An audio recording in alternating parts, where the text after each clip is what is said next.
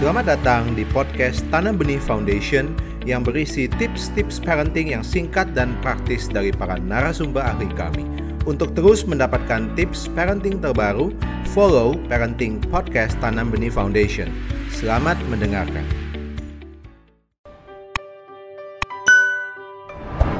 kita orang tua memang mesti apalagi zaman sekarang ya orang tua zaman sekarang tuh kita memang harus satu kreatif dan punya ilmu pengetahuan buat anak-anak terutama ya yang pertama adalah peran orang tua ya, bahwa kita harus menjadi sumber pertama yang anak-anak bisa tiru. Apa yang kita katakan dan apa yang kita lakukan itu mesti sama. Yang kedua Scaffolding itu adalah kita menjadi orang tua yang menunggu ketika dibutuhkan.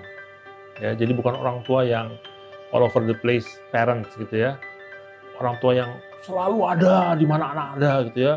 Anak pergi karya wisata, oh kita ikut gitu ya. Kita menjadi orang tua yang khawatir kalau anak gua jadi di sekolah kita tungguin dari pagi sampai sore gitu ya. Pokoknya di mana anak saya berada saya harus ada di situ. Nah, itu nggak bisa juga ya. Lalu kita juga mesti menjadi orang tua yang kemudian uh, Nah, ini yang saat ini yang kebanyakan adalah uh, figur ayah itu semakin tidak dirasakan kehadirannya tuh di dalam sebuah rumah tangga ya. Figur yang anak-anak lihat di rumah siapa sih? Ya mbak, ya ya ada laki-laki supir misalnya satpam gitu ya. tapi kan tidak berinteraksi sementara yang melayani anak itu siapa mbak mama gitu.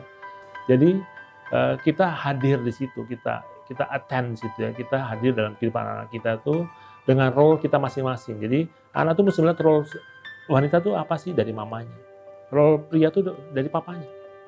Jadi nggak bisa kita kemudian mengharapkan ada satu pihak yang menjalankan dua peran, nggak bisa.